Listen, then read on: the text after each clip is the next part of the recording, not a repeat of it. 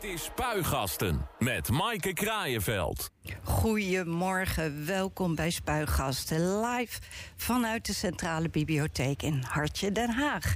Vandaag hebben we drie gasten voor u, onder wie Youssef Assad, gemeenteraadslid van D66. Goedemorgen, meneer Assad. Goedemorgen, Maaike.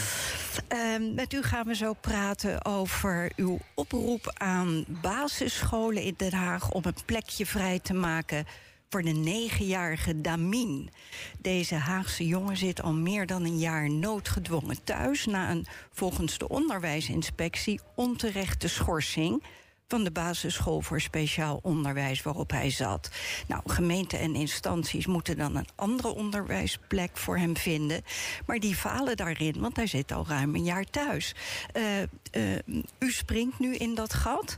Levert het wel iets op als een gemeenteraadslid zich met zo'n zaak bemoeit? Het is in ieder geval uh, goed als het op de politieke agenda wordt gezet en wordt geadresseerd. zodat er blijvende aandacht voor, voor het probleem komt. Dus dat, dat helpt in ieder geval wel. Oké, we praten daar zo met u over door. In de tweede half uur bespreken we met Koen Bom van Hart voor Den Haag en Noor Ikar van Denk nut en noodzaak van canvassen. Waarschijnlijk kent u het werkwoord niet eens en dat nemen we u niet kwalijk. Alleen mensen die met politiek te maken hebben kennen het. Het zijn partijleden die in verkiezingstijd, zoals nu voor de provinciale staten, in hun clubkleuren de straat op gaan om met folders en gesprekjes kiezers voor zich te winnen. Nou, je zou denken dat kan in 2023 toch flitsender en zonder de milieuvervuilende folders. Ikar en Bom komen straks met een antwoord. Maar eerst over uw actie, meneer Assad. U roept basisscholen op in Den Haag om plaats te maken voor de negenjarige Damin. Hij zat op een basisschool voor speciaal onderwijs in Den Haag, is daarvan geschorst onterecht, zegt de onderwijsinspectie. En sindsdien zit hij thuis bij zijn radeloze ouders. Want die willen natuurlijk onderwijs voor hun leerplichtige zoon. Hoe bent u zo betrokken geraakt bij Damin en zijn ouders? Ja, dan moeten we terug naar vorig jaar. Ik was op het Schilderswijk-debat. Daar was ik met andere collega-raadsleden om een debat te voeren... naar aanleiding van de gemeenteraadsverkiezingen. Ja. En, uh, en op een gegeven moment kwam er een stelling... dat ging over onderwijs, uh, gelijke kansen en, en, natuurlijk kinderen. En uh, ook het publiek mocht vragen stellen. Nou, en toen vroeg de vader van Damin een hele terechte vraag van uh, wat gaan we doen voor uh, kinderen die thuis uh, zitten zonder onderwijs. En mijn zoon die zit momenteel thuis zonder onderwijs. wat gaan jullie eraan doen? Nou, en ik had op dat moment natuurlijk, of specifiek op, op de casus van Damin, geen antwoord. Maar ik heb na afloop van het debat beloofd om, om mij in te spannen als ik word verkozen. En, ik probeer dat na te komen. Precies, en dat is gebeurd. Maar dan spreken we toch alweer over een jaar geleden. En ja. nu komt u er eigenlijk, uh, deze week bent u er weer mee naar buiten gekomen. Ja. Um, want dat gaat, duurt dus ontzettend lang. Het, het, het, is een heel dik dossier, dat kunnen we niet helemaal nu doornemen. En er zijn allerlei verwijten over en weer. En instanties die voor een oplossing naar elkaar verwijzen. Maar waar gaat het in de kern fout volgens u? Ja, dat is een goede vraag, uh, Maaike. Het zijn twee punten die heel belangrijk zijn even in, in, in zijn algemeenheid als het gaat om speciaal onderwijs. We hebben sowieso een lerarentekort in, in, in Nederland, ook in Den Haag. Maar voor kinderen, voor speciaal onderwijs, daar is het lerarentekort nog erger, nog ernstiger. Dus kinderen zijn sowieso kwetsbaar. Hè? Uh, uh, maar binnen de, doelgroep van kinderen zijn uh, kinderen die ja, speciaal onderwijs nodig hebben extra kwetsbaar door die lerarentekort. Specifiek op de casus van Damin, wat ik heb meegemaakt en wat ik heb gezien, is dat er allerlei instanties en organen betrokken zijn bij de casus. De gemeente, het samenwerkingsverband, het bestuur van de scholen, onderwijsinspectie. Nou, en dan ga je naar de gemeente bijvoorbeeld en dan zeg je, nou, joh, wij willen een onderwijsplek, want het is hartstikke belangrijk, uh, hè, uiteraard. Maar goed, die zeggen, ja, wij kunnen eigenlijk niks doen, we hebben geen bevoegdheden. U moet naar het samenwerkingsverband, nou, dan klop je daar aan. Die verwijzen weer naar de scholen met wachtlijsten. Ja, en de scholen zeggen, wij hebben wachtlijsten, wij kunnen het niet. Ja. Dus die ouders die blijven in een carousel. Uh, zonder uitkomst. Precies, wat, wat u nu schetst. Er zijn dus wel speciale instanties voor. En de gemeente lijkt dus ook van goede wil. Absoluut. Uh, maar misschien ook wel door dat lerarentekort... is er gewoon geen plek? Of gaat het toch nog ergens anders fout in? Nee, nee, kijk, dat klopt. Er is absoluut een lerarentekort. Maar in het specifieke geval van Damin... hij is onterecht van school weggestuurd. Mm. En als een school besluit om een kind... om welke voor reden dan ook weg te sturen... dan heeft een school een zorgplicht. Dat betekent dus dat een school uh, een alternatief moet zoeken voor dat kind. Want ja, het kan gewoon niet dat een kind thuis zit zonder onderwijs. Uh, de zorgplicht is gewoon niet nagekomen. Want dan min zit meer dan een jaar. Moet, moet je je voorstellen, een kind van negen jaar. Dag in, dag uit. Van half negen tot drie uur. Zijn leeftijdsgenoten gaan dan naar school. En hij zit al meer dan een jaar gewoon thuis. En niemand die dan zegt, niemand die denkt, nou jongens, dit kan gewoon niet. Maar ligt het dan inderdaad aan die ene school die hem... Om... Nee, kijk, u zegt dat het is een, uh, of Mike, je zei het al, het is een complex, een complex dossier. Mhm. uh, maar ondanks dat het complex is, uh, en wat voor verwijten er dan zo, zou, zouden zijn... Mhm. op een gegeven moment moeten we met z'n allen zeggen... er is een kind van negen die meer dan een jaar thuis zit zonder onderwijs. Dit kan gewoon niet, ondanks al verwij, uh, verwijten en wie er fout zit. We gaan nu een plek zoeken. Ja, niemand, op dit moment is er geen regie die dan zegt... Dat gaan we doen. Dat gaan we regelen. U noemde wel inderdaad dat samenwerkingsverband. Dus dat klinkt als een organisatie die dit soort problemen oppakt. Maar kennelijk is dit net weer een ander geval. Nou ja, dit is een geval uh, waarbij, uh, waarbij um, er, er en dat heb ik van dichtbij meegemaakt. Dat er geen regie is die wordt opgepakt. Waarvan iemand zegt, nou, nu moeten we het gaan anders oppakken. Want anders kan een kind niet meer dan een jaar thuis zitten. We komen er straks op dat er andere kinderen ook thuis zitten. Maar het gaat erom, in dit specifiek geval... een kind wordt verwijderd van school. Maar je hebt als school een zorgplicht en die moet je nakomen. Als je die niet nakomt, is dat ernstig. En dat heeft de onderwijsinspectie ook gezegd. Ja, nu bent u raadslid. U springt nu uh, in dit geval. U noemde het zelf inderdaad ook al. Hè. Er zijn nog 150 leerplichtige kinderen zonder school in Den Haag. Die zullen weer allerlei andere oorzaken hebben. Um, is het verstandig om je voor één kind zo in te zetten? Of zegt u van nou één kind redden, daarmee red ik ook de andere kinderen? Ja, dat, is, dat is een hele goede vraag en ook een hele terechte vraag. Uh, voorop, uh, om het uh, voorop te stellen, ik ben geen woordvoerder onderwijs namens de D66-fractie. Dat is Caroline Verduin.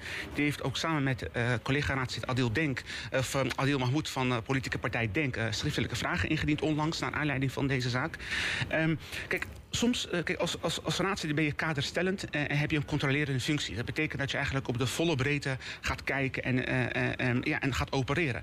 Maar soms zijn er gevallen, individuele gevallen, die tussen wal en schip vallen, waar geen oplossing is op de lange termijn of op de korte termijn in ieder geval. En dan klopt een ouder bij je aan. En dan vind ik als lokale volksvertegenwoordiger dat je moet kijken, ah, wat kan ik doen buiten mijn politieke instrumenten om? Want dat, dat is wat wij hebben geprobeerd. Als dat niet lukt, dan moet je kijken... Nou, zijn er mogelijkheden en opties binnen mijn politieke instrumenten... om dat uh, A, aandacht voor te vragen en te adresseren... ook voor alle andere kinderen, maar ook voor dit specifieke geval. Dus soms is het verstandig, want mensen kloppen bij je aan. En dan vind ik dat je daarvoor moet, uh, moet uh, voor inspringen. Maar hè, er zijn wel op een gegeven moment grenzen en, en wat wel en wat niet kan. Dus dat moet je goed in gedachten houden. Precies, want dat weten we van Hart voor Den Haag. Soms kan dat ombudspolitiek worden en uh, kan het nog moeilijker worden. Maar dit, dat is, dit is een heel ander geval. Daar, daar is nog, ik snap dat je dat aanhaalt, maar daar is nog geen duidelijkheid over. Hè? Dus dat, dus Precies. Tot, zover is dat niet uh, Nee, nou, u, uw, uw inzet is uh, hierbij duidelijk geworden... en we gaan het volgen hoe dit verder gaat. En natuurlijk hopen voor al die kinderen dat ze aan een plek komen. Maar we gaan ook de rest van de Nieuwsweek met u bespreken. Het Spuigasten Weekoverzicht. We gaan naar de maandag. D66, uw partij, ChristenUnie en Partij voor de Dieren in de Tweede Kamer... vinden dat politici niet meer moeten tiktokken. Omdat het bedrijf te weinig doet tegen desinformatie en haat. Bent u eigenlijk een tiktokker? Nee. Nee, nee, maar sinds het begin al, sinds dat het een echt een, een, een, een, een, een hype was, had ik het niet gedownload. Of, uh, dus ik, heb, ik ben er eigenlijk nooit aan begonnen. En waarom eigenlijk niet? Nou, ik moet eerlijk zeggen, voordat ik raadslid was, had ik ook geen Twitter en Instagram. Het enige wat ik had is WhatsApp. Uh, en ja, als je volksvertegenwoordiger, dan moet je natuurlijk wel uitleggen wat je allemaal doet. En toen hebben we besloten om sociale media te gaan gebruiken. Maar ik zag eerlijk gezegd in TikTok geen meerwaarde. Dus ik, ik heb het ook besloten om dat niet te downloaden. Nee, nee, precies. Dus uh, dat had eigenlijk nog helemaal niks te maken met die nee, desinformatie en Chinese nee, nee, dat was nog niet aan de orde, inderdaad. Dus ja, nee, nee, ja. Maar wat, wat vindt u van, uh, van de oproep om te zeggen in dat kader hè, van te weinig doen tegen desinformatie en haat, nou, beter ik, niet meer gebruiken? Ja, ik, ik, was benieuwd naar waarom uh, zo'n oproep uh, wordt gedaan. En het bleek uit onderzoek van BNR dat je gemakkelijk desinformatie en persoonlijke informatie via advertenties kunt verspreiden. En dat komt gewoon op de tijdlijn van, van mensen, dus ook van Tweede Kamerleden. En dan eh, vind ik het een, een, een, goede oproep om te zeggen... nou, laten we daar voorzichtig mee zijn... totdat die oplossingen zijn gekomen vanuit TikTok... om die desinformatie en die mogelijkheden daartoe op te lossen. Dus ik vind het een terechte oproep. Precies, en het is nu aan TikTok wat ze daarmee doen... en verder ook aan politici wat ze daarmee doen. Dinsdag Volgens de rechter was het gebiedsverbod voor drie van de acht klimaatactivisten... die opriepen tot het bezetten van de Utrechtse baan eind januari onterecht. De andere vijf gaan uh, tegen deze uitspraak nog in beroep. Volgende week is er weer zo'n demonstratie gepland door Extension Rebellion ook weer rond de Utrechtse baan. Uh, hoe moet dat eigenlijk? Is, is de gemeente, voor zover u weet, ook de burgemeester hier al heel druk mee? Ja, we hebben gezien in het nieuws dat uh, de burgemeester en de gemeente daar uh, alles op alles zetten om die demonstratie te faciliteren en in goede banen te leiden. Waar wij als fractie van D66 wel ons zorgen om maken, is dat het scheeflopen in het aantal arrestaties tussen verschillende groepen. Hè. We hebben het gezien bij Accession Rebellion, daar zijn bijvoorbeeld 700, meer dan 700 arrestanten geweest geweest. Nou, dat, als dat volgens de wet en regelgeving, dan, moet dat, hè, dan is dat zo. Uh, uh, maar het moet dan niet zo zijn dat andere groepen, zoals bijvoorbeeld de boeren die over de scheef gaan in Den Haag, niet worden gearresteerd, ja, omdat ze met tractoren komen. Dus het scheef uh, groeien in, in het aantal arrestaties en gelijke moeder, gelijke kappen, dat moet echt gehandhaafd worden. En dat heeft ook mijn collega Dennis Groenewold... een paar weken terug in een debat in de Raad ook gevraagd. Let daarop, wees consequent. En zo hou je ook de draagvlak voor wat je als burgemeester en OM en politie ook doet. Maar dat wordt dan dus een hele spannende volgende week zaterdag, 11 maart. Want dan komen ook de boeren. Dus, uh, maar de boeren mogen gewoon demonstreren. Ik zeg niet dat je de boeren moet nee, uh, arresteren. Het gaat alleen om gevallen. En het maakt niet uit tot welk groep je behoort. Als je over de scheef gaat, moet de politie optreden. Maar niet bij de ene groep in grote mate en in andere groep niet. Maakt niet uit van wat voor groep je ook komt. Precies, maar het wordt dus een proeftuin om te kijken hoe, hoe zich dat dan ontwikkelt. Bovendien, ze zitten op twee plekken als het goed is. Klopt, ja. De boeren hebben toegezegd naar het Zuiderpark te gaan, waar de gemeente om had gevraagd. Ja, ik heb begrepen dat het goed in een goed overleg is gegaan. En ik ben ook blij dat we hebben kunnen faciliteren als stad... dat men gebruik kan maken van hun demonstratierecht. Uh, en, uh, en ik hoop dat het gewoon vlekkeloos zal uh, aflopen. We gaan naar de woensdag. Er gaat eindelijk gebouwd worden voor het Centraal Station... dat nu al jaren een kale, koude bouwput zonder uitzicht is. Probleem op probleem hebben zich daar uh, opgestapeld... waardoor aannemers waren afgehaakt. Maar uw uh, wethouder Robert van Asten die kon deze week bekendmaken... dat met 3 miljoen van de gemeente extra... een aannemer aan de slag kan gaan... 400 appartementen, winkel- en horecaruimte neer te zetten. Is dat fijn of is het wel heel veel publiek geld erbij voor één project? is een hele terechte vraag. Uh, allereerst, al twintig jaar uh, ligt de bouw stil. Uh, we hebben een nijpend tekort aan woningen. Die willen we natuurlijk bouwen voor mensen die zich hier willen vestigen. Dus ik ben allereerst blij dat, dat er een uitkomst is. in dit specifiek geval heeft het college onderzoek gedaan naar van als we nou niets doen als gemeente. Wat gebeurt er dan? Wat is de uitkomst? En daaruit is gebleken dat dan ja, de bouw blijft, die blijft dan stil. Nou, en toen is er uitgekomen dat als de gemeente een eenmalige bijdrage van 3 miljoen euro geeft kan de bouw in op gang komen. Daar zijn wel drie strenge voorwaarden aan verbonden. De bouwer mag geen winst maken op die 3 miljoen. Er moet een jaar onafgebroken gebouwd worden. En als blijkt dat de opbrengsten van de woningen, verkoop van de woningen, meevallen dan valt uh, uh, de bijdrage uh, die valt dan minder uit. Dus ik, ik, vind het wel belangrijk dat niet zomaar 3 miljoen worden gegeven, maar wel doordacht met voorwaarden. En ik hoop gewoon dat die woningen komen, zodat de mensen die daar op zoek zijn kunnen wonen. En die aannemer heeft dit, deze voorwaarden ook ondertekend? Ja, nou ja, het is, het is, dus dat, dat is, dat is, um, dit moet natuurlijk wel langs de raad. Hè, dus de raad moet hier over gaan stemmen. maar dit is wel de uitkomst die eruit is gekomen. Van mocht de raad erover stemmen, dan, ja, dan is dat het scenario. En dan wordt er nou ook dit jaar begonnen met bouwen. Nou, dat dus niet alleen hopen, voor het aanzicht, maar ook voor, voor het toenemen van het ja, aantal en huizen. Ik heb trouwens de tekeningen gezien, het is prachtig. Misschien iets om te gaan wonen. We houden het in de gaten. Ik hou het in gedachten. We gaan naar de donderdag. Het blijkt voor mensen die financiële steun nodig hebben... van het tijdelijk noodfonds energie te ingewikkeld om dat geld aan te vragen. Heeft u die geluiden ook in Den Haag al gehoord? Nou, ik heb de specifieke geluiden over dit geval, want het is een landelijke regeling, heb ik niet gehoord. Uh, maar het is wel een, een, een terugkomend probleem dat uh, mensen het heel erg moeilijk vinden om aanvragen te doen. Om wat voor reden ook. Hè. Je spreekt de taal niet goed, of je bent een of je bent een ouder, of Maakt niet uit wat. Um, en dan hebben we ook in Den Haag overigens gehad. Vorig jaar met de energietoeslag vonden mensen het heel moeilijk om het aan te vragen. Hebben we ook aandacht voor gevraagd, was er een debat voor gekomen. Um, uh, maar ik vind het belangrijk dat mensen die daar recht op hebben... zijn kwetsbare mensen. Die zitten al krabbekas. Die hebben ondersteuning nodig. En als ze dan nog eens het moeilijk vinden om een aanvraag in te dienen... Dat is echt een probleem. Daar moeten we oog voor hebben. Uh, en ik hoop ook dat, uh, dat het opgepakt wordt landelijk... en dat er het makkelijker gemaakt wordt, uh, wordt gemaakt. Precies, want hè, dat tijdelijk noodfonds energie... dat is natuurlijk een landelijk fonds. Ja. Maar ik kan me voorstellen dat je misschien in Den Haag zegt... we zitten hier nu zelf in de bibliotheek. Er zijn gelukkig meer bibliotheken ja. ook in, in wijken. Ja. dat je daar als ja. gemeente of als vrijwilliger... Het is heel goed om te weten dat wij helpdesk, uh, helpdeskpunten uh, hebben in Den Haag... Uh, waar je terecht kunt bij hulp bij aanvragen van regeling. Of het nou lokaal of landelijk is, dat maakt niet uit. Kun je daar aankloppen, kun je een afspraak maken... en zij gaan jou helpen met een aanvraag. Dus gebruik dat vooral. Want we hebben, het gaat echt om meer dan, uh, meer dan 20 punten in Den Haag. In iedere wijk. Dus uh, ik denk dat dat vooral zal helpen voor Hagenaars die daar uh, hulp bij nodig hebben. Dus eigenlijk zegt u, die steunpunten zijn er al. Absoluut. En ook als je dus dat beroep wil doen op dat tijdelijk noodfonds energie... lopen ze even een bibliotheek binnen... Absoluut. En kijken of ja, ze je kunnen helpen. In bibliotheken, maar je hebt ook uh, een helpdesk. helpdesk uh, uh, dat gaat over, ja, het heet helpdesk geldzaken. Ja. En dan kun je dan, dan bij terecht om geholpen te worden met een aanvraag. En die punten zitten overal in de stad. Kijk er even op internet welke dat is in jouw buurt. maak een afspraak en dan kun je daar, kun je daar terecht. Nou, dat, ik hoop dat mensen het horen. Het ja, Zeg, we gaan naar vrijdag. Um, de, die raadsenquête um, Amare is bezig. Het Cultuurpaleis wat hier naast ons staat. Uh, die commissie, die onderzoekscommissie van raadsleden... die, nou ja, die willen de onderste steen boven over om wat er nu is fout gegaan hè, bij die bouw. Het is uh, veel duurder geworden, meer dan 2 miljoen. Niet duurder, maar wel totaal 2 miljoen.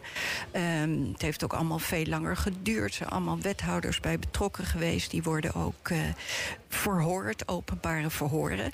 Maar ja, vrijdag kwam er eigenlijk nog nieuw nieuws uit. Want je denkt, ja, dat was toen allemaal, hoe dat is fout gegaan. Maar nu blijkt de directeur van, uh, van Amare... die vertelde dat het gebouw barst van de gebreken. Het is zelfs zo dat er onvoldoende stroom zou zijn... als in twee zalen, zowel het uh, Nederlands Danstheater... als uh, bijvoorbeeld de muziekzaal, als daar een popconcert zou zijn... dat er dan onvoldoende stroom is om uh, die twee zalen te kunnen gebruiken. Er zijn ook al voorstellingen, ze, ze, moeten stoppen omdat het niet meer ging. Dat is eigenlijk allemaal, is dat geheim gebleven. Daar komen we nu achter. Uh, er wordt gesproken over een te kleine repetitieruimte voor het residentieorkest. Piano die door een luik valt als dit de enquête al heeft opgeleverd, dat is toch wel om te huilen.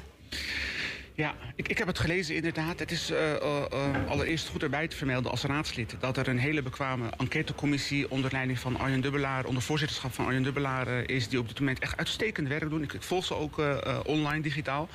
Ehm, dus die zijn nu aan het kijken van wat is er misgegaan... Uh, en waarom is dat zo gegaan? Uh, uh, wie waren daarbij betrokken? En wat voor lessen kunnen we daaruit leren voor, de, ja, voor toekomstige projecten die een, ja, een dergelijke grootte hebben? Dus dat is belangrijk om er even bij te vermelden. En dat past bij mij ook dan ook om terughoudend te zijn wat voor uitspraken je doet. Maar goed, ik woon ook in Den Haag en ik heb ook wel in Samara bezocht. En als je dat soort dingen leest, natuurlijk is dat verdrietig. En, en denk je van, ah, dat, dat is jammer. Zo hadden we het helemaal niet gewild. Um, um, maar ik ben vooral benieuwd naar de uitkomst van de enquêtecommissie, wat daaruit komt.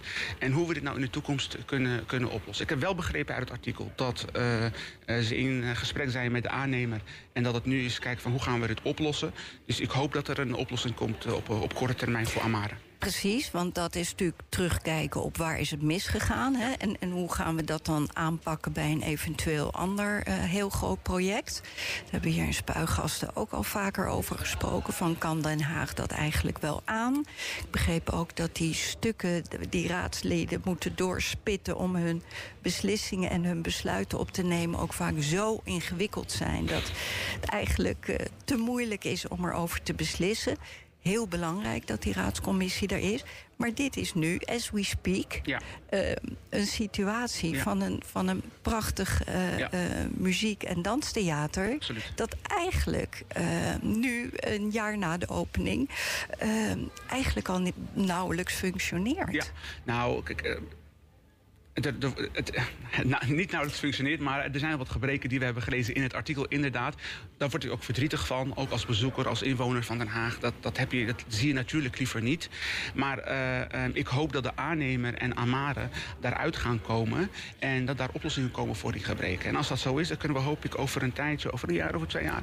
eh, met z'n allen zeggen, nou, er is hier een mooi gebouw in Den Haag. eh, goed voor de stad eh, en opgelost van, van de gebreken. Ik hoop echt dat dat de inzet zal zijn van alle partijen. En waarom het zo is gegaan en welke conclusies eraan verbonden moeten worden... dat is echt aan de, eh, aan de enquêtecommissie. En ik kijk daar echt met veel eh, interesse naar. Want vindt u cultuur ook belangrijk in Den Haag? Is Ja, het een absoluut. belangrijk onderdeel van een, van een stad als Den Haag? Tuurlijk, ja. eh, Sowieso als stad voor Den Haag, eh, waar, eh, ja, waar cultuur... Een, een- een- eh, dus, eh, heel veel sporen van cultuur in Den Haag eh, natuurlijk. En daarnaast is cultuur, dat, dat verbindt, dat, dat verbreedt je, eh, eh, eh, je wereldbeeld. Dat laat je kennis maken met andere culturen, met andere mensen. Het biedt nieuwe inzichten. Het is, het is een, ja, ik noem het altijd een warm bad waar je terechtkomt... met hele positieve verrassingen die daaruit komen. Zo heb ik het tenminste ervaren. Dus cultuur is ontzettend belangrijk. Daarom is het ook belangrijk dat we zo'n zo'n zo'n plek hebben in Den Haag. Eh, en, en ja, dat, dat als D66 zijn we staan we, staan we pal natuurlijk voor, voor, voor cultuur. Dus ja, absoluut. En vooral niet op bezuinigen dus ook. Eh, nou, als dat, als dat niet nodig is, eh, niet doen inderdaad. Nee, maar inderdaad, die afwegingen waar altijd geld af moet... dat is, zo. natuurlijk een hele is- moeilijke afweging. Het is altijd zo. eh, eh, ja, dat is altijd, altijd zijn afwegingen maken, keuzes maken. Eh, maar gelukkig nu, eh, dat is nu geen sprake van. Dus ik, ik hoop gewoon dat die problemen worden opgelost tussen de aannemer en Amare. Ehm, en ik kijk met interesse naar het rapport van, eh van de enquêtecommissie. Dat gaan wij ook doen. Dank. Ik dank u hartelijk U voor ook het bedankt. gesprek. Mag ik, ik was vergeten aan het begin, eh, aan het einde van het gesprek over Damin. Ja. Ehm, ik wil nogmaals hier een oproep doen aan eh, basisscholen van speciaal onderwijs. Als u een plek heeft, of een tijdelijke plek voor Damin, om daar eh, eh, eh, te mogen komen, alstublieft laat het dan weten, want Damin wacht echt op een onderwijsplek. Dat is even een oproep die ik middels dit podium wilde doen. Precies, en u had hem al gedaan via sociale media. Ja, dat klopt. Dat was natuurlijk wel midden in de krokusvakantie. Ja, dus heeft u inderdaad Wij reacties hebben- gekregen? Wij hebben reacties gekregen, maar niet van een school die een onderwijsplek heeft. Misschien, kom- ik weet het niet, misschien komt dat nog vanwege inderdaad de vakantie. Er is wel een stichting die heeft gereageerd en die heeft gezegd... wij willen, zolang Damien thuis zit, graag opvangen met huiswerkbegeleiding... eh, sporten en allerlei andere vakken die je als, ja, je als kind eigenlijk nodig hebt. Maar het belangrijkste is een onderwijsplek. Heeft u zo'n plek, tijdelijk of permanent, laat het alstublieft weten. Dank u wel, meneer Assad. U ook bedankt voor uw tijd. Tot de volgende keer. Dank u. Eh, aangeschoven zijn eh, Noor Ikar van Denk. Goedemorgen. Een hele goede morgen. En Koen Bom van Hart voor Den Haag. En wij gaan het hebben... die open nog? Ja? Ja, daar kom ik. Goedemorgen. Juist. Ja. Het is even schuiven en doen. En we gaan het ook al over iets anders ingewikkelds hebben. Althans, zo lijkt het. We gaan het hebben over canvassen. Eh, het is een werkwoord waarbij ik eerlijk gezegd denk aan een term uit de judo of zo. Iemand op het canvas werpen. Maar dat is het niet, hè, meneer Bom? Nee, dat is niet. eh, het is de bedoeling dat, eh, dat je deur tot deur gaat. Hè? Dat is een beetje het idee. Heel veel partijen die zweren daarbij. En het is eh, volgens mij ook bewezen dat het de meest effectieve manier van, van campagne voeren is. Maar tegelijkertijd, het is zodanig arbeidsintensief dat je als je een hele wijk wil uitkammen, nou dan ben je een paar weken bezig. Dat is natuurlijk de reden waarom het niet weer zo'n goed idee is. Precies, daar komen we straks, gaan we het uitgebreid over hebben. Want waarom praten we hierover? Het zijn natuurlijk de aanloop naar de provinciale verkiezingen. Ehm, dus we zien weer de uh, politici in clubkleuren uh, de straat op gaan met uh, de folders en gesprekken aanknopen om, om kiezers te winnen. bent u een canvasser, meneer Ikar? Ja, kijk, ik sta er een beetje anders in. Voor mij uh, ben je als gekozen politicus, ik denk mijn collega ook precies hetzelfde, dat hij er zelf erin staat. Als je gekozen bent als politicus, ben je vier jaar lang uh, bezig met uh, campagne voeren, als het ware. En niet alleen tijdens verkiezingstijd. Nee, dat kan ik me voorstellen. Aan de andere kant is het natuurlijk wel even net het moment om jezelf of je partij of een onderwerp wat je wil weer op de kaart te zetten. Ja, dat is wel zo. Dus nu is eigenlijk het moment dat er teams uh, de straat op gaan, het gesprek aangaan met mensen, uh, folders uitdelen als ze die überhaupt hebben, herkenbaarheid. Alleen ja, ben ik daar niet zo'n fan van. Want uh, ik denk dat je harde werk voor zich moet spreken. En dat je daar dan niet uh, massaal de straat voor op zou hoeven moeten. Alhoewel het wel moet. Precies, want ik denk even van... Hè, heb ik u ook wel niet eens gezien op de Haagse Markt bijvoorbeeld? Ja, ja, ja. tuurlijk. Ja. Alleen dat is, dat is de reden waarom ik zeg... tijdens je periode als politicus... is het de bedoeling dat je continu de straat op bent... om in gesprek te blijven met de mensen. Want uiteindelijk komt al jouw input daar vandaan. Precies, dat is natuurlijk het werk wat je, wat je die vier jaar doet. Uh, maar wij van de media ook hebben daar dan net zo vlak voor de verkiezingen nog weer even iets meer aandacht voor. Ja. Uh, meneer Bom, want u zei ook, hè, ja, de, de, eigenlijk hetzelfde wat meneer Ikar zegt. Wij zijn gewoon uh, vier jaar lang zijn we op straat en hebben we een luisterend oor voor de kiezer. U noemt het wel een effectief middel. Ja, het is, uh, het is natuurlijk in een één op één gesprek altijd het meest makkelijk om iemand te overtuigen. Makkelijker dan uit een foldertje. Wat, uh, ik weet niet hoe het u vergaat, maar ik lees ze niet allemaal die ik in de bus krijg. Uh, moeten we eerlijk zijn. Maar ik, het, is, het is grappig dat wij zaten al van tevoren even aan een lekker bakje koffie hier eventjes te praten. zowel Denk als Hart Haag is natuurlijk juist zo'n partij die vier jaar lang op straat is. Wat zie je dus vaak gebeuren met verkiezingstijd? Dan zie je GroenLinks en dan zie je de SP, die gaan deur tot deur. En wat ik heel vaak hoor, en dat is niet om de partijen dat ze moeten doen zoals ze dat willen. Maar wat, wat ik heel vaak hoor van, nou, nou zie je ze wel. En dat is natuurlijk het risico wat je hebt als je dat doet. En uh, zowel Denk als, als wij zijn gewoon altijd zichtbaar. Altijd benaderbaar. En ook dus, uh, u zegt ik zie hem op de markt. Maar je ziet hem ook volgende week op de markt als er geen nou, dan toevallig wel campagne is. Maar dat is over een paar weken is dat ook het geval. Dat is niet om onszelf zo goed op de borst te kloppen. Maar het is wel de reden waarom wij het meest een volkspartij genoemd kunnen worden allemaal. Precies, en u bent ook wat dat betreft uh, natuurlijk relatief jonge bewegingen hè, op, ja. het, uh, op ja. het politieke veld. Nou, kan ik me toch voorstellen, ik had net even met uh, Youssef Assad ook over uh, TikTokken. En moet je daar nou wel, wel of niet als politicus op zitten? Ja, ik zit erop. Aha. Ik vind het ook wel wat voor jou. Ja, ja, ja, ja. Wat, dansjes. Wat, wat, is dat echt een. Uh, zou dat een mooi alternatief zijn om nee, mensen kijk, te het bereiken? Is, het is uiteindelijk heb je uh, een situatie waarbij er heel weinig vertrouwen is in de politiek. Uh, met name in Den Haag. We zien gewoon echt dat er geen vertrouwen is in de politiek. En wat je wilt doen als partij is dat je de, de link legt tussen de inwoners en het ijspaleis in dit geval. Dus je moet die schakel zijn op een of andere manier. En als schakel is het je verantwoordelijkheid om te informeren en mensen bewust te maken van wat voor besluitvorming er om hun heen gebeurt. Daarvoor kun je dus verschillende communicatiemiddelen inzetten. TikTok is een van de communicatiemiddelen die ik gebruik. Ik doe dan alleen geen dansjes, omdat ik daar iets te oud voor ben.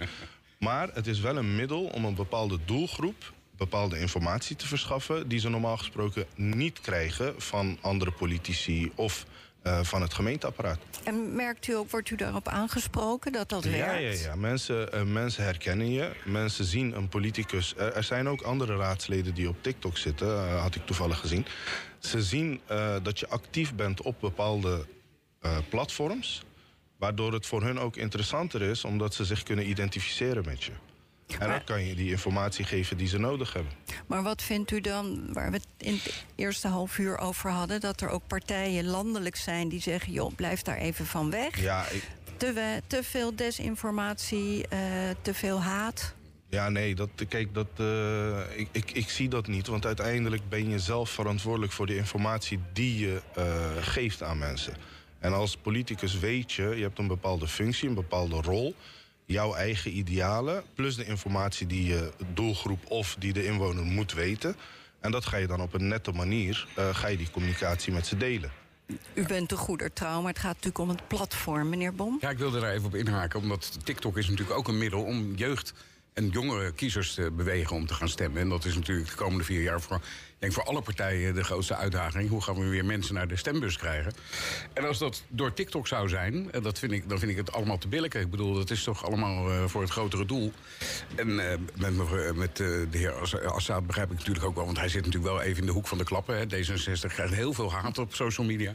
Dus ik denk dat in zijn beleving dat het een en al Sodom en Gomorra is. Maar je kunt social media natuurlijk ook ten goede gebruiken. Precies, het was zijn partij. Ik geloof dat hij zelf uh, uh, ja. niet zozeer daartoe uh, oproept.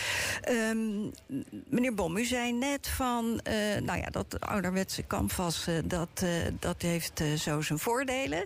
Um, maar het had ook nadelen. Wat, wat, wat nou, was dat? Het is veel te arbeidsintensief. Dus als wij, een, een, zoals in onze campagne vorig jaar hadden wij natuurlijk de vermaarde bus. Hè, dus we gingen overal van wijk naar wijk.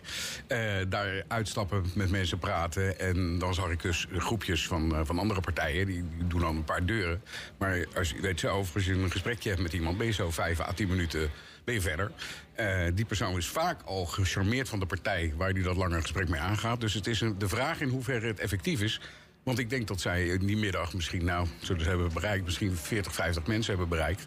En uh, wij gingen door de hele stad, om maar even aan te geven. En ik zeg niet wat beter is, maar ik zeg wel dat het maar een heel gesegmenteerd groepje wat je daarmee uh, mee kunt bereiken. En vaak dus al gelijkgestemden. En dan is de vraag in hoeverre gaan we ze dan over de streep?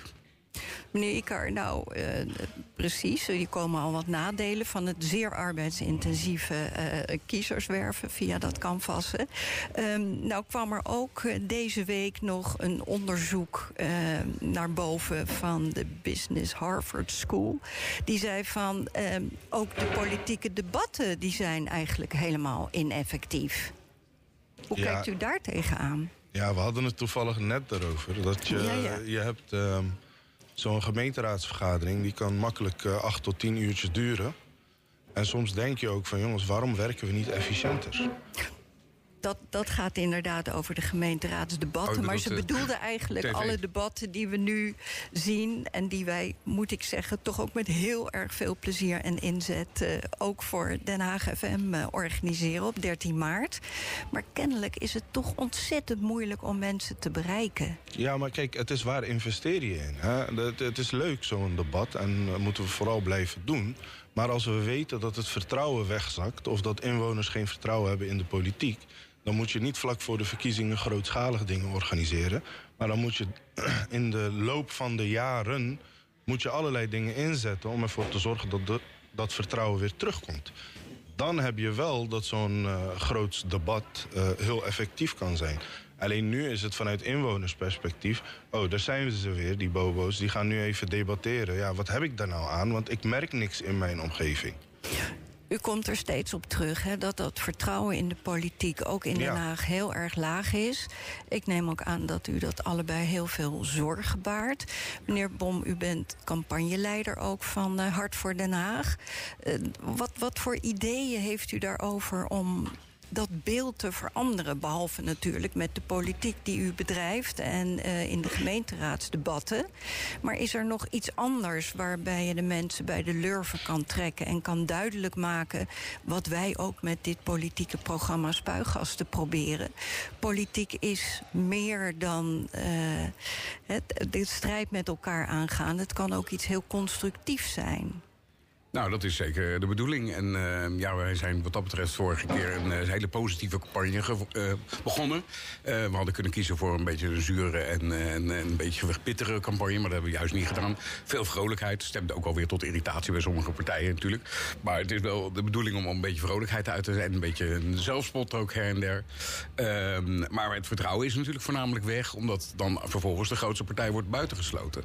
Dat merkte iedereen hier in de stad. Dus wat is nu de vraag? Wat gaat er over drie jaar gebeuren. Kunnen wij de mensen, en dat is ons enige doel de komende periode, kunnen we ze motiveren om wel te gaan stemmen. Want ik denk dat zowel voor Denk als voor ons het zo is dat als die mensen wel gaan stemmen, dat dat veel al in ons, in ons voordeel zal uitpakken. Meneer Ikar, dat, dat motiveren, hoe, hoe doet u dat? Hoe wij dat doen is door uh, continu het gesprek aan te gaan met mensen. Dus dat, dat, uh, dan komen we weer terug op het feit dat je vier jaar lang eigenlijk uh, campagne aan het voeren bent. Omdat je continu in contact bent met de mensen. Je hebt vandaag staat Tahsin Chetinkaya, die ja. voor Denk op de lijst staat. Nummer twee bij de provinciale ja, Nummer twee, die staat, die staat vanmiddag op de Haagse Markt met een schoteltje baklava. en meestal als we dan in zo'n groep staan, is het niet van ja, stem op ons, stem op ons. Maar is het meer het gesprek aangaan en uitleggen waarom stemmen belangrijk is. Dus je bent niet per se campagne aan het voeren voor je eigen partij, maar campagne aan het voeren voor het belang van stemmen en op die manier probeer je die opkomst te bevorderen. Vooral in de wijken waar dat uh, heel erg laag is. Ja. Nou ja, mag ik, mag ja. daarop inhaken? Wat ik natuurlijk een heel groot probleem ga vinden... is dat waar lig je op een gegeven moment de grens? Wanneer is een mandaat nog een mandaat? Ik bedoel, in sommige wijken was 22% opkomst hier in de stad. Ja, dan kun je nauwelijks meer spreken van dat de, de wens van de bevolking uh, geldt. Hè? Dat is met democratie natuurlijk logisch. Als je niet gaat stemmen moet je ook niet zeuren, wordt er dan gezegd. Maar hoe gaan we die mensen bewegen om wel te gaan stemmen. En dat Precies, is, u bedoelt dat hele democratische proces en alles Ja. hè, wat, er, wat we in de stad willen bereiken en de plannen, die zouden dan te weinig draagvlak Ja, hebben. precies. En degenen die wel gaan stemmen, dat zijn vaak de gevestigde partijen. Hè, die hebben een achterban die ook wat ouder is en vaak wel gaat stemmen. En dan wordt de verhouding natuurlijk totaal scheef. En dat vind ik iets wat ons zeker zorg moet baren. En niet alleen wij, maar ook zelfs die gevestigde partijen. Want je ziet hoe de, hoe de stemming omslaat in het land. Ja, absoluut. En, ehm, nu heeft u het er allebei steeds over van eh, gewoon vier jaar heel goed naar de mensen luisteren. Dan doemt bij mij al gauw het woord ombudspolitiek op. En dan moet ik meteen aan uw partij denken, eh, meneer Bom. Ehm, want wat is nou ombudspolitiek en eh, wat neigt naar eh, corruptie? Uw grote voorman Richard de Mos staat daarvoor natuurlijk terecht. Eh, weet u eigenlijk al wanneer ehm, de uitspraak is? Eh, nou, het is in ieder geval zeker dat 7 maart is de laatste verhoor in, eh, met een van de, van de eh, betrokkenen. En dan gaat de rechter zeggen wanneer die uitspraak doet. Dus dan weten we of het binnen twee weken is of iets dergelijks. Maar u zegt, hij staat natuurlijk terecht. Maar Nee. dat is niet het geval Niet hoor. natuurlijk, hij, hij staat terecht. Hij het staat OM terecht. Die, hè, die, die interpreteert wat uw partij de ombudspolitiek noemt, Ja. interpreteert het Maar als... kijk, ombudspolitiek is natuurlijk echt wel iets heel anders. Dat is, dat is gewoon het, het opkomen voor belangen. En dat, bij ons is dat dus ook best wel voor particuliere belangen af en toe. Dat is wat ons vaak wordt verweten. Hè? Dat een stoeptegel die, eh, die eh, scheef ligt voor eh, de thuishaven in Scheveningen, ik noem maar wat. Ja, dat, dat pakken wij op. Er zijn politieke partijen hier die zeggen van ja, maar dat, je moet groter zien. Je moet beleidsmatig kijken en niet eh, die kleine dingetjes oplossen. Daar zit het verschil in aanpak. En dat is ook de reden, denk ik, dat wij de grootste zijn. doet, doet u ook in die zin ombudspolitiek met Denk? Ja, zeer zeker. Kijk, eh, maar wat eh, collega Bom ook zegt, dat, dat beleidsmatig kijken vanuit andere partijen zorgt ervoor dat er geen menselijke maat is in die beleid. En als we kijken naar de mensen die wij helpen met bepaalde vraagstukken, continu komen we tot dezelfde conclusie. En dat is dat het hier zo vastgemetseld is dat er gewoon geen ruimte is voor menselijke maat. Ja, of maatwerk, ruimte voor ja. maatwerk aan zich. En, en bedoelt u hier eh, specifiek in Den Haag? In Of- Den Haag, ja. Ja, ja dat, dat- daar is kennelijk een soort eh, structuur ontstaan... waar, nou, we, we hadden het eerste half uur erover... een jongetje wat onterecht van Ja, school precies. wordt geschorst... en dan tussen wal en schip raakt. Dat, en dat is eh, precies, dat is ook een casus waar wij mee bezig waren samen met eh, de heer Assad. Maar je hebt ook bijvoorbeeld een andere casus waarbij een vrouw zwanger op straat belandt omdat ze tussen wal en schip komt en niemand haar eigenlijk verder kan helpen. En dan wordt er zelfs geadviseerd: doe aangifte tegen je ex, want dan krijg je tenminste een dak boven je hoofd. Ja, maar ik, hij heeft me nooit iets misdaan. Dus dat bedoel ik met maatwerk en, en, en die menselijke maat laten terugkeren. Dat krijg je alleen als de partijen op deze manier gaan functioneren. Ja, en krijgt u daar veel weerwoord eh, van in, eh, in debatten bijvoorbeeld, in de gemeenteraad? Of ziet u juist dat anderen gaan inzien... hé, dat is eigenlijk wel een heel effectieve manier van politiek bedrijven? Ik denk dat onze bijdragers, dat anderen nu inzien dat onze Ja. manier van politiek bedrijven heel erg nuttig kan zijn. Want eh, ze krijgen nu opeens toegang tot de echte Hagenaar. Waar voorheen, wat eh, mijn collega net zei, er te veel van bovenaf gedacht werd. Misschien is de combinatie, we, we hebben daar ook wel eens over gesproken met de P van de A en, eh, en volgens mij ook eh, Hart voor Den Haag. Misschien is de combinatie wel heel effectief voor een stad. Nou, vergis je niet, de Partij van de Arbeid in de jaren 70 deed niet anders. Hè. Dat was, die gingen de straat op. En uh, we hebben natuurlijk een oud-gediende, Constant Martini... die uh, ja. sinds 1943 in de raad zit. Uh, die, uh, ik overdrijf iets. Ja. Zeggen. nee, maar hij was wel in de jaren, hij was wel in de jaren 70 actief. En ehm, hij, dat was, toen was dat heel gebruikelijk. Dat, en toen hadden ze natuurlijk ook, nou, ik geloof 23 zetels in de raad. Dus wat dat betreft was het makkelijker praten. en was er heel de stad ook of Partij van de Arbeid of CDA... Dus dan was het ook weer een, andere discussie.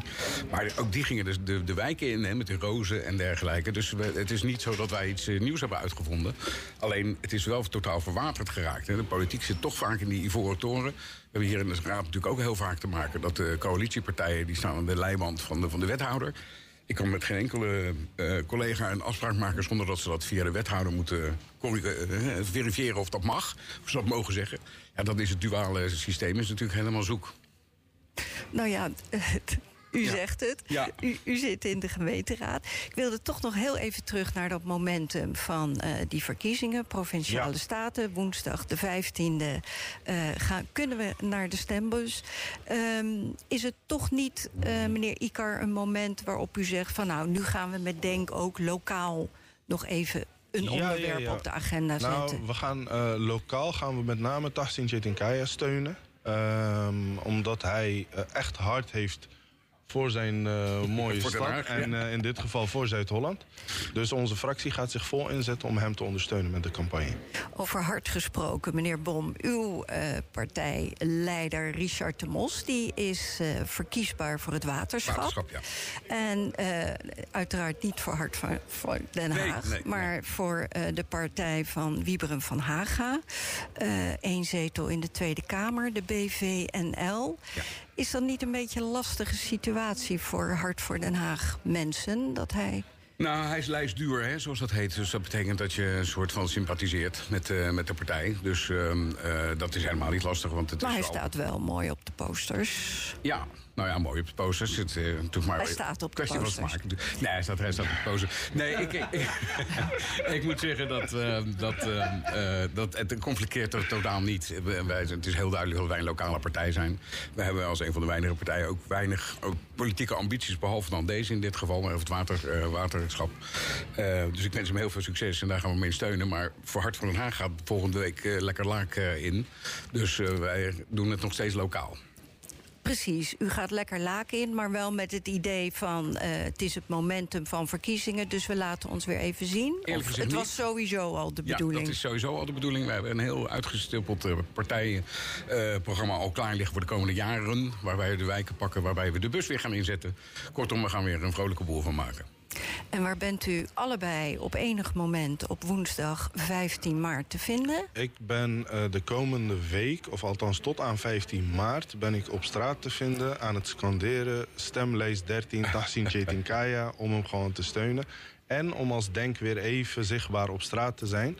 En dat weer voor te zetten de komende drie jaar hebben we nog. Ja, nog drie jaar. Ja, dan, ja. dan gaan we weer doorzetten. Maar ik bedoelde eigenlijk het stemhokje. U gaat toch Oh, allebei wel Ja, stemmen? natuurlijk. Ja. Ja. Nee, maar dat vind ik werkelijk echt een grondrecht. Wat Ja. je altijd moet... uh, ik, iedereen die zegt van ik ga niet stemmen... Dat vind ik, die spreek ik ook echt vermanend toe.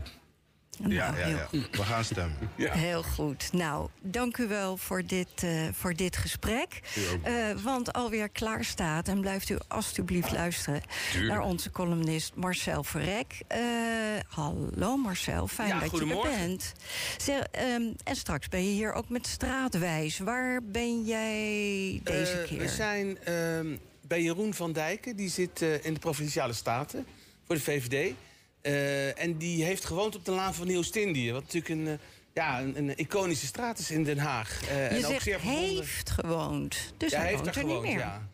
Ja, hij woont nu ergens anders. Maar we kijken ook altijd uh, of mensen bepaalde herinneringen hebben aan straten. Want het blijkt wel dat heel veel politici, die we dan meestal interviewen... Uh, toch wel in dezelfde buurten zich een beetje ophopen. Ik weet niet precies, Koen, waar woon jij? Nou, ik heb het over het Lang van Nieuw-Indië. Ik ben geboren in de Ustelingstraat. Dat is een hele onbekende straat. Ik zit uh, achter de Schenkade.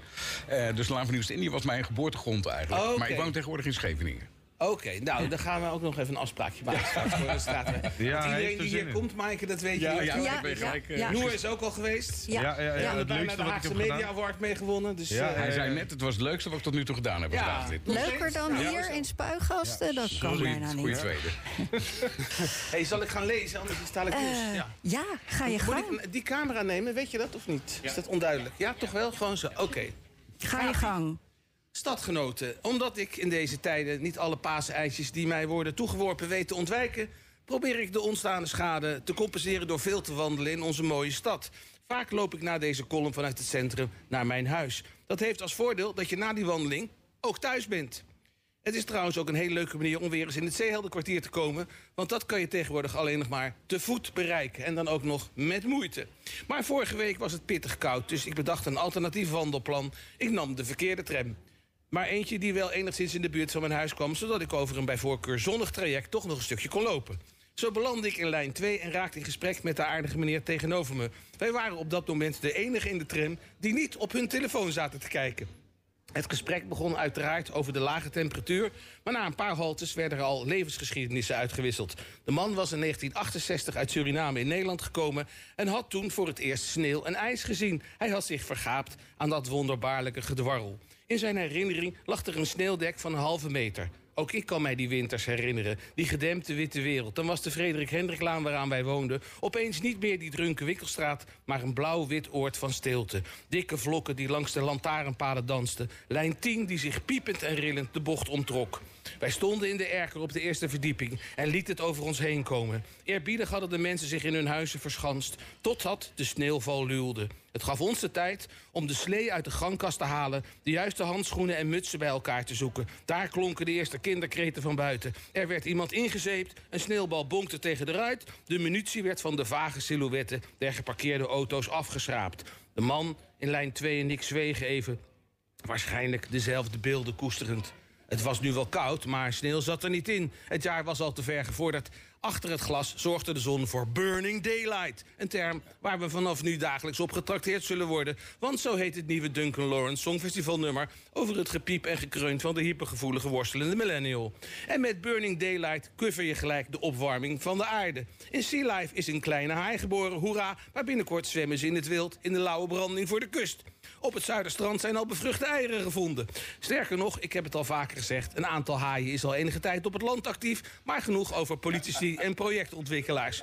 Koen had al onmiddellijk begrepen waar ik het over had. Toen ik afscheid had genomen van mijn medepassagier... en over de Valkenboskade naar mijn buurt begon te lopen... dacht ik aan een heel ander lied. Het schitterende sneeuwlied van Daniel Lohuus en Herman Vinkers... op tekst van Willem Wilmink. Ja, uit de boerengebieden in het oosten komen ook wijzen. Oh, wat kon het sneeuwen. Oh, wat kon het sneeuwen, zongen ze.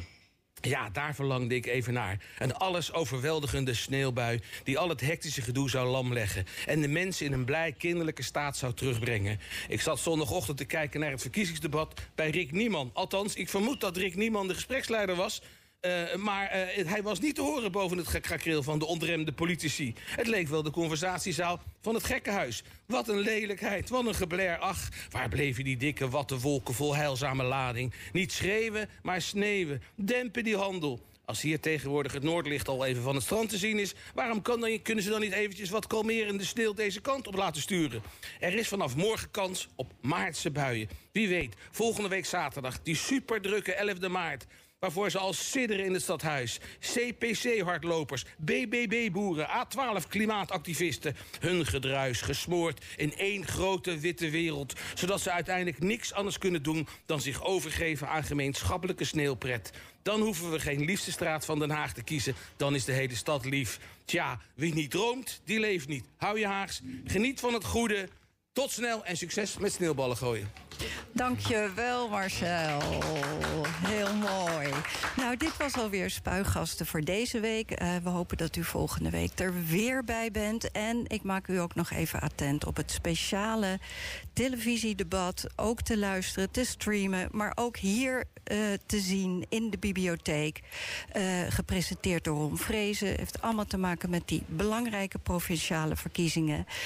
en dat is op maandag 13 maart vanaf 5 uur tot een uur of half zeven. Tot volgende week.